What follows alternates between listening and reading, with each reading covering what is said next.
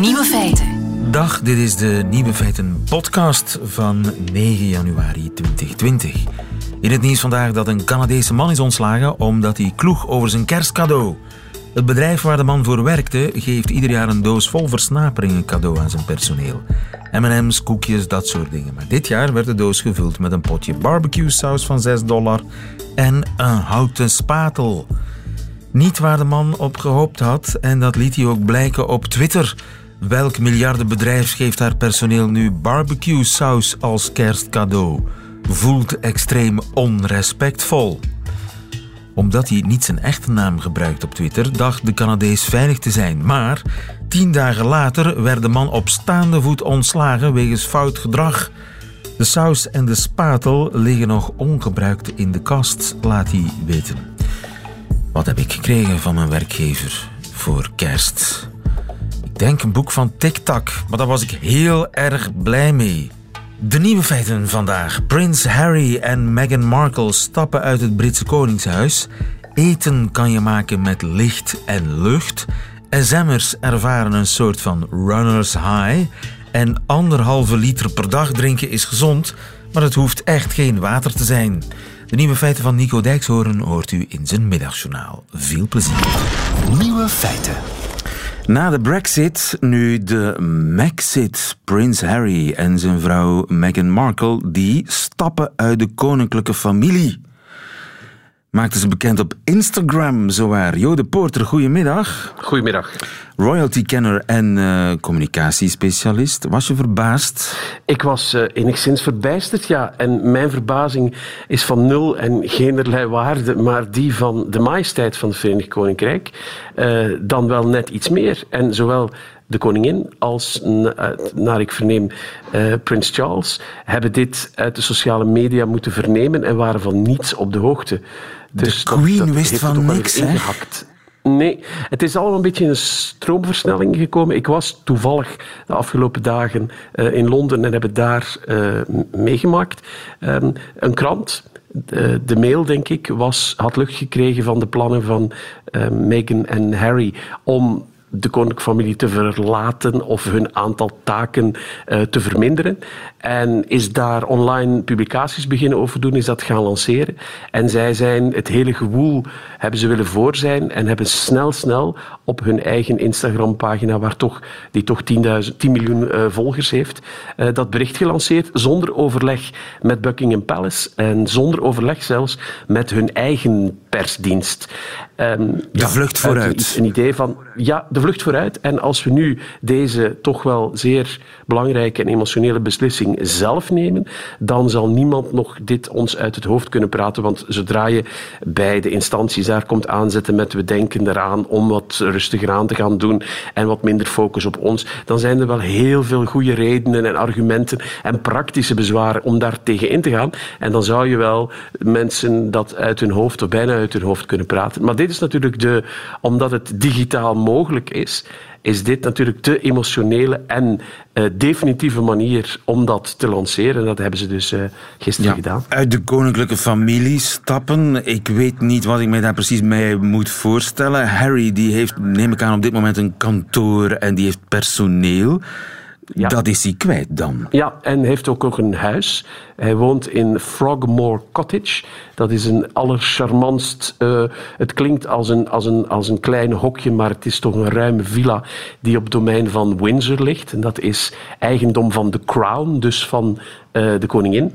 Um, dus daar mag hij niet blijven wonen als hij zichzelf afsnijdt van de familie. Er is ook nog het probleem van het inkomen. Uh, Harry in zijn 35 jaar dat hij leeft, heeft nog nooit één pond ergens anders gehaald dan van uh, zijn vader, uh, Prins Charles, of van uit de Sovereign Grant van de Queen. Dus hij heeft altijd geld gekregen via de familie. En je hebt ook het probleem van, en dat is echt een zeer ernstig probleem waar ze, denk ik, een beetje aan, een beetje licht over gaan dat is het probleem van de veiligheid, van de beveiliging. Want ook al stappen ze uit de koninklijke familie, wat, wat ze niet kunnen, maar ook al uh, nemen ze afstand van die koninklijke familie, zij zijn nog altijd een belangrijk doelwit voor iedereen die kwade zin heeft met het Verenigd Koninkrijk of de koninklijke familie. Want hij blijft de broer van, de zoon van, het kleinkind van. En als je kijkt wat er in de geschiedenis, en dan bedoel ik echt heel concreet zijn familiale geschiedenis, zijn moeder, prinses Diana, is omgekomen. En een van de redenen wordt altijd aangegeven dat, omdat zij niet meer bij de koninklijke familie hoorde, had zij geen beveiliging meer. En had zij nog beveiliging gehad, dan was ze waarschijnlijk nooit in die auto gestapt, was het ongeval nooit gebeurd en was ze blijven leven. Dus hun veiligheid staat op dit moment op het spel van wie gaat dat doen, wie gaat dat betalen. Want als je in twee landen gaat leven, wat hun plan is, dan kan dat kostenplaatje wel uh, ernstig gaan oplopen als je die twee mensen en, de, en Archie, het kind, um, een veilige toekomst wil bezorgen. Enig idee waar ze van gaan leven? Um, er is het, al het geld wat er beschikbaar is, kijk, je hebt de sovereign grant, dat is het geld wat de koningin van de belastingbetaler krijgt om haar taken en de taken van de, de familieleden die voor haar werken, daarin te voorzien. Dan heb je nog iets anders, dat is de Duchy of Cornwall, en dat is het jaarinkomen van de Prince of Wales, dus prins Charles. En daar wordt ook een stukje van, wordt, zijn vader, ja, wordt ook een stukje van de kosten betaald. En van dat geld heeft hij al die jaren toch wel um, ruim kunnen leven. Als hij zegt zich daarvan af te scheiden en zelf naar inkomsten gaan zoeken. Ja, wat is zijn ervaring? Hij heeft ervaring in het leger. Hij heeft ervaring bij goede doelen. Zij is actrice geweest. Moeten we het daarin gaan zoeken? Uh, ik hoorde vandaag dat de Amerikaanse nieuwszender ABC al een voorstel had gedaan om een productiepoot van dat bedrijf in Canada, in Vancouver, op te zetten.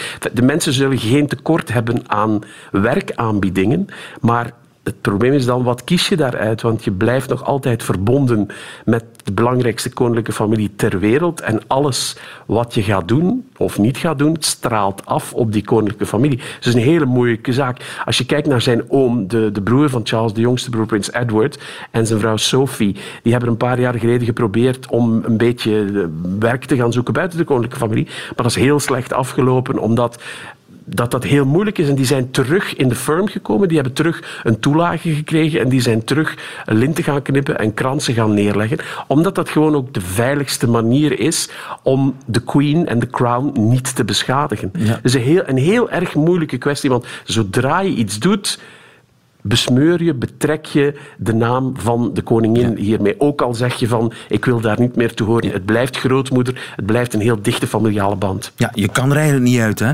Daar komt het op neer. Ze halen zich heel wat op de hals door deze stap te zetten.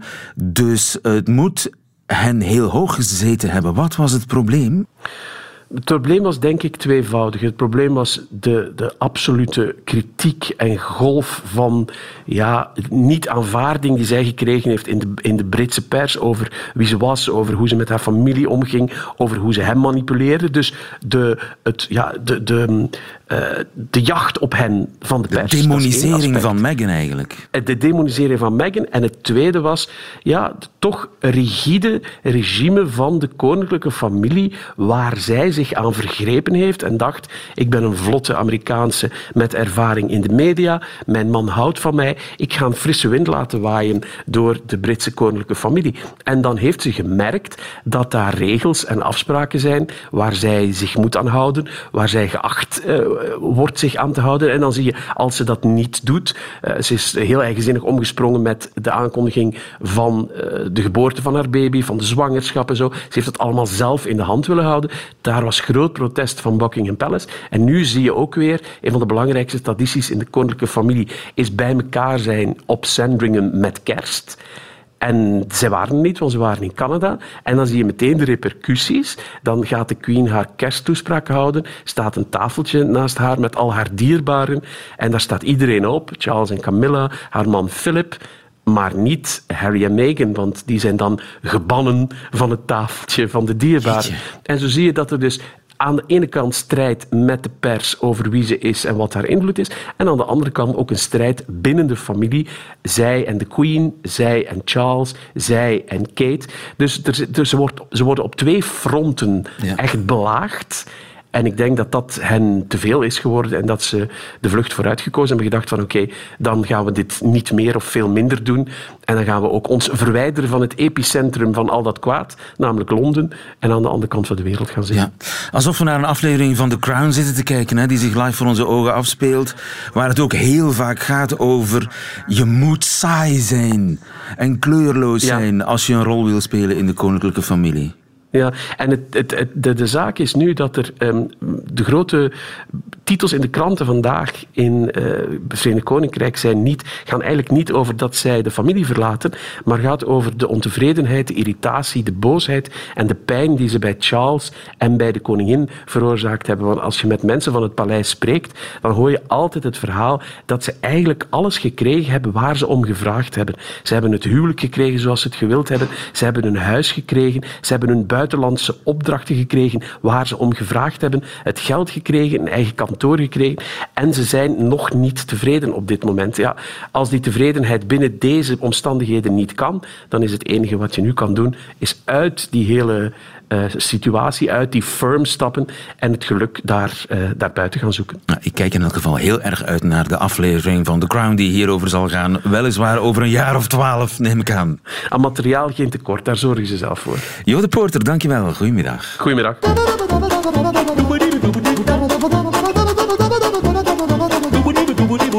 Nieuwe feiten. Meer en meer mensen drinken de hele dag door water. Moet ik mij zorgen maken als ik dat niet doe? Goedemiddag, Marleen Finoelst. Goedemiddag, lieven. Marleen Finoelst, arts en uh, auteur bij Body Talk, de website over gezondheid. Het lijkt erop alsof een waterflesje een modeaccessoire is geworden. Hè? Iedereen loopt er tegenwoordig mee rond met zo'n designflesje. Ik heb eens uh, gezocht op internet. Je hebt erbij die 40 euro kosten. En uh, een, be een, bekend Deens designmerk verkoopt unisex flessen. Ik heb het oh. zelf gezien, echt waar. Het staat zo op hun site. En in de advertentie staat dan dat zo'n funky flesje je zal helpen om de broodnodige anderhalve liter water te drinken per dag, nodig voor een stralende huid. Aha. Nodig voor anderhalve liter water per dag is nodig voor een, de goeie, een goede gezondheid, maar het doet eigenlijk niets aan je huid. Ja, als je te weinig water drinkt, dan ga je misschien wat een droge, trekkerige huid krijgen, maar om nu te zeggen uh, dat je huid er beter gaat uitzien of dat je minder uh, huidproblemen hebt door uh, bijvoorbeeld minder acne, door voldoende water te drinken, dat is niet aangetoond. Maar voor de gezondheid is het wel belangrijk. En dan helpt zo'n trendy flesje natuurlijk wel, want wij Belgen drinken eigenlijk over het algemeen te weinig water. Dus als dat helpt, waarom niet? Anderhalve liter, dat moet ik drinken. En moet ik water drinken, anderhalve liter? Of mag dat ook Nescafé cafeïnevrij zijn bijvoorbeeld? Dat mag zeker. Je mag ook cafeïne, koffie met cafeïne uh, drinken. Liever uh, ja, niet meer dan vier koppen per dag. Want de idee dat men, of mensen denken soms dat water of koffie drinken afdri waterafdrijvend is, maar dat is een mythe. Dus je mag gerust uh, koffie drinken. Je plast daar niet meer van op een dag. Wel, je plast het water wel sneller uit. De hoeveelheid die je plas blijft hetzelfde. Dus koffie kan, thee kan, kruideninfusen. Niet overdrijven met cafeïne, maar dat merk je zelf wel. Als je gaat uh, helemaal veranderen in een stressbal, dan drink je te veel. Koffie, soep mag natuurlijk ook. Eigenlijk alle dranken die caloriearm zijn, die gezond zijn, dat kan, dat kan water vervangen. Of, of gewoon uh, water met een smaakje. Wat niet uh, echt aanbevolen wordt, zijn light frisdranken. Die bevatten ook wel geen calorieën, maar dat is toch een aanslag op je tanden, want uh, die light frisdranken die bevatten veel zuren. Dus daarmee uitkijken. En in voedsel zelf zit daar ook geen vocht in? Ja, uiteraard. Eh, in voedsel, in groenten, in fruit zit ook vocht, maar dat is niet voldoende. En dat is niet ingerekend in die anderhalve liter. Dus die anderhalve liter is eigenlijk wel wat we moeten drinken per dag. Vergeet niet, we bestaan voor 65 tot 70 procent uit water. We verliezen iedere dag water via urine, stoelgang, zweten, ademen. Dus we moeten echt wel dat vocht, die vochtbalans op peil houden voor een goede gezondheid. En dat is toch wel ja, anderhalf liter. En veel Belgen geraken daar niet aan. Dus zo'n waterflesje kan, kan helpen. Waarom niet? En kun je ook te veel drinken? Ja, je kan natuurlijk je kan te veel drinken. Misschien herinner je enkele jaren geleden op Tomorrowland zijn een, een, twee vrouwen overleden en die hadden blijkbaar te veel water gedronken. Dat kan, dat kan vanaf 4 liter al, kan je al te veel drinken. En ja, hoe meer je gaat drinken, meer dan 4 liter en meer, wordt het gevaarlijk. Je gaat hoofdpijn krijgen. Je gaat eigenlijk gaan, je brengt je, je, je, je, je, je bloed te veel verdunnen, waardoor de vocht in de cellen blijft. Cellen gaan opzwellen, hersencellen gaan opzwellen. en je krijgt hoofdpijn, dat druk, dat, de druk neemt toe in je hoofd, je kan daarvan in coma gaan en overlijden. Dus je kan een watervergiftiging oplopen. Maar dan moet je dus al meer dan 4 liter per dag gaan drinken. Ja, anderhalve liter, een, een, glas of acht. Ik, ik heb er geen idee van of ik daaraan kom. Misschien moet ik maar eens een dagboekje bijhouden. Is dat een verstandig idee? Ja, als je dat wilt opschrijven, ja, dan kan je, als je de moeite wilt doen, dan kan je inderdaad uh, uh, op noteren hoeveel je drinkt, hoeveel je drinkt. We drinken vaak alleen bij het eten en dat is eigenlijk niet voldoende. Om te weten dat je voldoende drinkt, zou je ook tussendoor eens een glas water of een koffie of zo moeten drinken. Ja. Misschien moet ik maar zo'n uh, een unisex fles kopen van een Deens designmerk. Waarom niet? Uh, een funky flesje om mij meer te doen drinken. Dankjewel, Marleen Finoelst. Goedemiddag. Goedemiddag. Lieven van den Houten.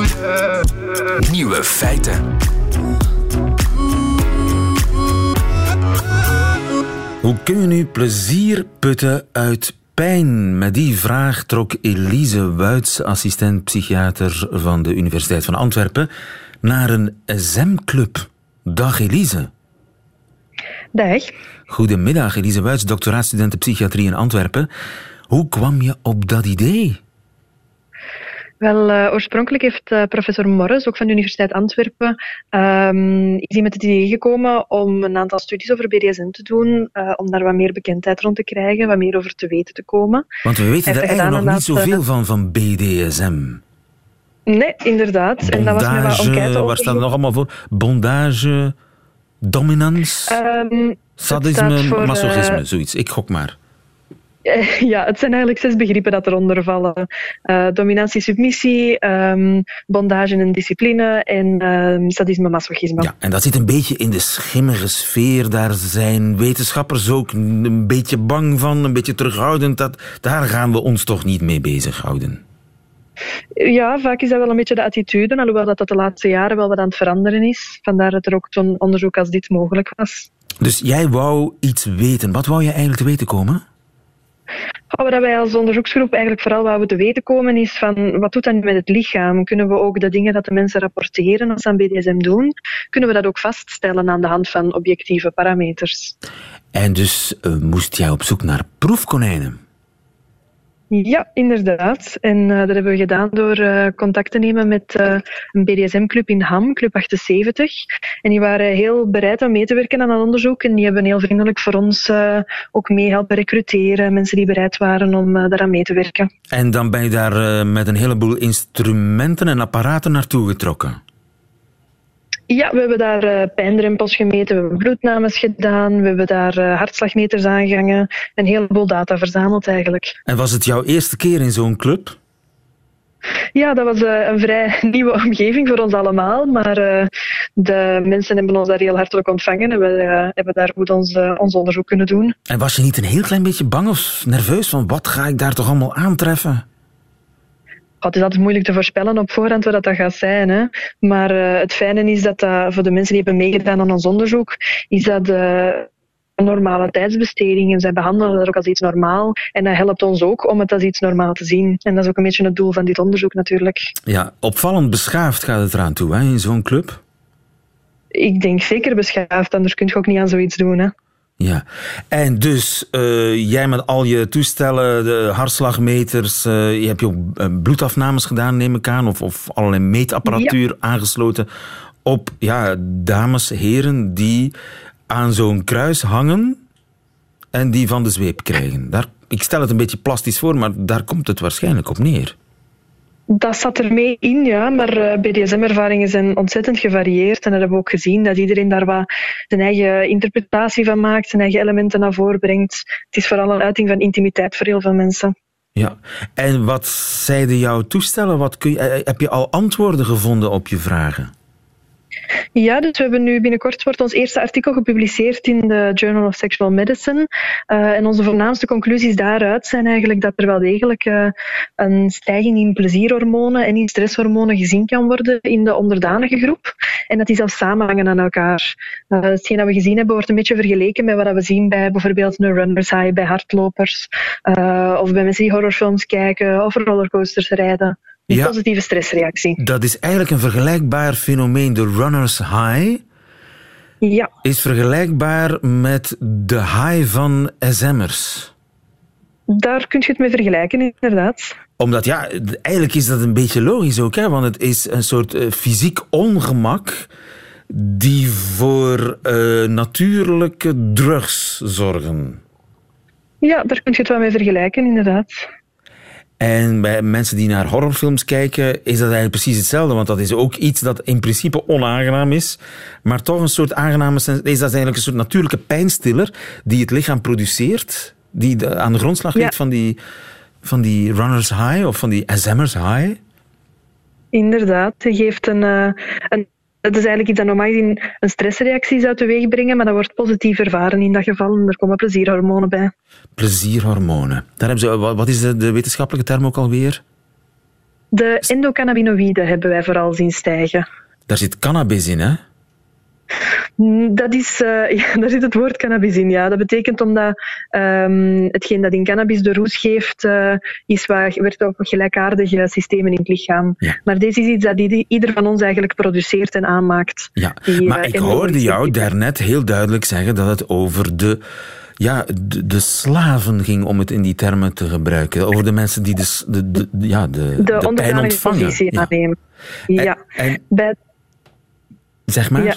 Bij de anderen? Ja, wel, bij de dominanten inderdaad hebben we, um, hebben we wat verder moeten kijken. En daar zagen we eigenlijk vooral die uh, significante stijging in plezierhormonen uh, bij de BDSM-interacties die meer gebaseerd waren op zo de, de machtsverhoudingen, het machtsspel. En minder bij degenen die enkel op de, het pijnspel gebaseerd waren. Ja, want ja, het fysieke ongemak is er natuurlijk niet hè, bij de dominante partner. Nee, inderdaad. Dus, dus dat klinkt ook wel dus vrij logisch. Dus de echte runners high de runners high vind je eigenlijk alleen bij de mensen die uh, aan de, uh, bij de onderdanige partners, zeg maar. Hebben die dan het meeste plezier? Moeten we dat daaruit besluiten? Nee, de dominante partij heeft daar zeker ook wel, uh, zien we ook die significante plezierstijging, maar daar hangt het wat meer af van het soort spel dat gedaan wordt. Ja, het uh, spel dat BDSM heet en dat nu een stukje meer uit de taboesfeer is gehaald. Dankzij het Inderdaad. werk van uh, Elise Wuits. Gefeliciteerd Elise, dankjewel, goedemiddag. Dankjewel, Thijs. Radio 1 Nieuwe feiten. Van de liefde kun je niet eten, maar van de lucht kennelijk wel. Dat blijkt aan de Universiteit van Antwerpen waar ze voedsel maken van licht en lucht. Dag Siegfried Vlaming, goedemiddag. Goedemiddag. Siegfried, jij bent eh, bio-ingenieur eh, aan de Universiteit van Antwerpen. Is het lekker? Um, officieel heb ik daar nog niet van geproefd. Officieel nog niet, officieus wel. Um, we, we, uh, al, al, even geroken, al even uh, toch wel een idee uh, hoe, dat, hoe dat zou smaken. En, Stiekem, en, want het proeven. klinkt alsof het niet mag. Um, het, volgens de regels van de veiligheid en de wetgeving mag dat momenteel nog niet gegeten worden door mensen. Dat is een novel food, dat moet nog een aantal certificaties en procedures door om die veiligheid aan te tonen. Ja, maar je hebt al eens een klein beetje op je tong gelegd. We zullen het stilhouden. Ja, toch wel. Ja, toch wel ja. En? Ja. Waar smaakt het naar?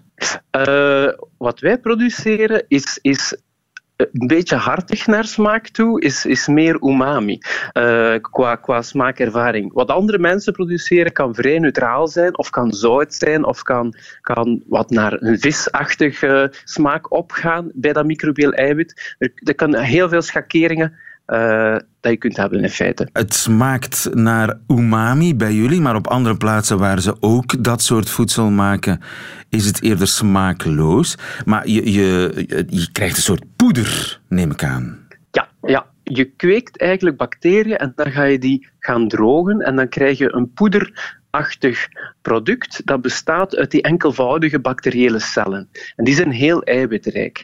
Nu, de celwand die bestaat uit een aantal componenten die de smaak gaan bepalen. En per type bacterie kun je dus een andere smaak gaan krijgen, want die hebben een licht afwijkende celwand samenstelling. En we kunnen die door de manier waarop dat we die gaan kweken ook een beetje gaan tunen. Dus we kunnen wat gaan spelen met die smaak in feite. Dus het is eigenlijk creatief met bacteriën. Absoluut. Dat, Ja, dat is ja, eigenlijk ja, de, de grond van de zaak. Je maakt een soort eiwitrijk poeder op basis van bacteriën. Bacteriën die met licht en lucht, met zonlicht en zuurstof worden gemaakt. Je, je, je, je haalt die echt uit het niets, die bacteriën. Uit- uiteraard kun je niet iets uit het niets halen. Er is de, de wet van behoud van massa. Maar eh, als we zeggen licht, dan bedoelen we soms ook zonne-energie. En met die energie kunnen we water gaan splitsen. En dat halen we uit water, waar eigenlijk een waterstofatoom in zit en een zuurstofatoom. Dan kunnen we die waterstof eruit halen en naar waterstofgas omzetten. En op dat gas, dat is in feite een drager van energie, kunnen we bacteriën gaan groeien. Gaan kweken eigenlijk. Gaan kweken, ja, Ja. ja. Maar we hebben dus ook water nodig. Ja, en die bacteriën, waar haal je die? Die komen eigenlijk voor in onze omgeving. Eh, er zijn heel wat bacteriën die dat soort van metabolisme kunnen uitvoeren. Dus die kunnen groeien op waterstofgas. En die kunnen gewoon in het milieu eh, terugvinden. Als ze zuurstof verbruiken, dan noemen we die knalgasbacteriën. Omdat dat een vrij explosief gas is, eh, waterstofgas. eh, als je dat combineert met zuurstofgas. Dus knalgas noemen we dat. En de bacteriën waar wij mee werken, die zijn heel mooi paars gekleurd. Dat zijn purperbacteriën. Die komen in de bodem voor, die komen in vijvers voor. ehm, die komen ook in waterzuiveringen voor. En daar kunnen we die heel makkelijk gaan vinden en, en gaan aanreiken en gaan isoleren. Ja, en het resultaat zijn proteïnen, dus een alternatief voor eh, proteïnen die je anders uit soja zou halen. Of uit dierlijke producten. Correct. We hebben, we hebben eh, sojameel, wat een heel belangrijke proteïnebron is om, voor de vleesproductie in Vlaanderen, in België. We hebben ook vismeel, dat heel belangrijk is in de aquacultuur, dus om vis te produceren, garnalen te produceren. En zowel sojameel als vismeel hebben een heel zware milieuvoetafdruk. En als we dat microbieel eiwit kunnen gebruiken in plaats van die, eh, dat soort van, eh, van producten, dan kunnen we een, een grote eh, impact maken. Dus dan, dan is dat heel goed voor het milieu. En dan hebben we het eigenlijk over eh, voedsel voor dieren die je dan produceert. Of ook voedsel voor mensen. Dat kan eh, beide richtingen uitgaan. Wellicht het eerste qua toepassing zal voedsel voor dieren zijn. Maar op dit moment al eten wij met een zekere regelmaat microbiële cellen. Misschien zonder dat we ons bewust zijn. Bijvoorbeeld een bouillonblokje, als we daar soep mee maken, dat zit vrij veel gistcellen in. Dus dat is ook microbieel eiwit. Maar dat is dan eerder als smaakmaker dat dat erin zit. Sommige mensen gebruiken edelgistvlokken als een soort van veganistische kaas eh, om smaak te geven, om die hartige smaak toe te voegen, die, die we associëren met normale kaas. Ja. Eh, sommige mensen gebruiken microalgenpoeders als, als voeder, voedingssupplement. Ja. Dus op, op een aantal manieren eten we al dagelijks, of een aantal mensen toch, eh, vaak microbiële cellen. ja. En zou je daar nu tofu van kunnen maken? Of hoe heet al die biologische dingen, die, die vegetarische dingen? Eh, tofu, corn, seitan, eh, dat kan zeker. Daar is nog wat werk nodig, want we starten eigenlijk van enkelvoudige cellen en we moeten dan dat gaan structureren, textureren, zodat dat een, een, een aangenaam gevoel geeft in de mond. Uiteraard, een poeder eten is, is niet aangenaam. We moeten dat gaan verwerken. En op de markt nu bijvoorbeeld heb je spirulina, dat is een microalg, en die is verwerkt in, in vegetarische burgers, in veggieburgers. Die zien er dan mooi groen uit. En dat, dat poeder kun je inmengen met die andere ingrediënten en dan kun je een mooie burger gaan maken. Ja. En wanneer Ehm. ligt jouw burger in mijn pan? Denk je, schatje, ongeveer? Ehm, als, geef ons een, eh, een, een 5 à 10 jaar en, en nog wat ontwikkelingsbudget en dan moet dat lukken. Nee, internationaal zijn er een tiental bedrijven die daarop inzetten. Op dit moment zelfs in België twee bedrijven. Eh, Avicom uit het Gentse en Calidris Bio. En Avicom onder andere zet ook in op de productie van dat microbiële eiwit. Dus er, er beweegt heel veel op, in de wereld en Vlaanderen zit eigenlijk bij de topspelers. Dat is een positieve boodschap. Waarvoor dank Siegfried Vlaming. Goedemiddag. Alsjeblieft, goedemiddag. En daarmee heeft u ze gehad, de nieuwe feiten van 9 januari. Alleen nog die van Nico Dijkshoorn krijgt u in zijn middagjournaal. Nieuwe feiten. Middagjournaal. Beste luisteraar, ergens rond de kerstdagen kreeg ik opeens een bericht van Spotify, de online muziekdienst. Of ik wilde weten welk liedje ik het meest had geluisterd dit jaar. En ik wilde dat niet. Mijn dochter wilde het wel. Zij bleek Sufjan Stevens het meest hebben geluisterd en dat vond ik prachtig om te horen. Sufjan Stevens heeft een paar van mijn lievelingsliedjes geschreven. Vooral het liedje Chicago over een dromerige jongen die in een busje met een paar vrienden richting Chicago rijdt, is werkelijk prachtig. Die rare, bange, bijna surrealistische hoop dat ze op een andere plek, een paar honderd kilometer verderop, wel op hem zitten te wachten. Ik werd nu nog banger om te kijken welke muziek ik zelf het meest had geluisterd. Er stond opeens heel veel op het spel. Ik kon dan wel overal de grote muziekkenner uit staan hangen, maar deze lijst was genadeloos. Ik sloot bijvoorbeeld niet uit dat er een liedje van een Duitse slagerzanger, Peter Maffay bijvoorbeeld, in mijn top 3 kon staan. Als dat zo was, dan wisten mijn vriendin Tanja, mijn dochter en mijn zoon meteen dat ik in het geheim, als zij niet thuis waren, Duitse muziek draaide. En dan geen krautrock of krafwerk, maar een zanger met het haar van mijn moeder. Mijn zoon keek ook welke muziek hij het meest had geluisterd. Fortet. Een dromerige ambient low noise dansplaat. Ik was meteen jaloers. Tanja bleek allemaal onweerstaanbare vrouwenfunk te hebben geluisterd in 2019. Dat kwam niet direct als een verrassing. Dat is hier een van de grote genoegens in dit huis. Lekker koken en dan luisteren naar Tanja die keihard Donna Summer of Chaka Khan meezingt. De druk werd inmiddels intens. Er was eigenlijk geen weg terug voor mij. Ik wist op woensdag al dat ik vrijdag zou gaan kijken welk liedje ik het meest had geluisterd. En natuurlijk, luisteraars, wist ik al lang welk liedje dat was. Het is het liedje 15 van Taylor Swift.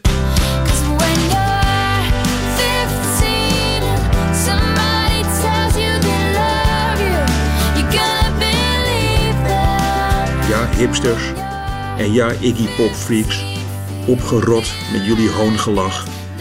Taylor Swift met het liedje 15. Het is een liedje over alleen aan iets nieuws beginnen en je werkelijk geen raad weten. Voor het eerst een school binnenlopen en weten dat je daar nog vier jaar je hoofd boven water moet weten te houden. Ik heb het liedje volgens Spotify dit jaar 148 keer geluisterd.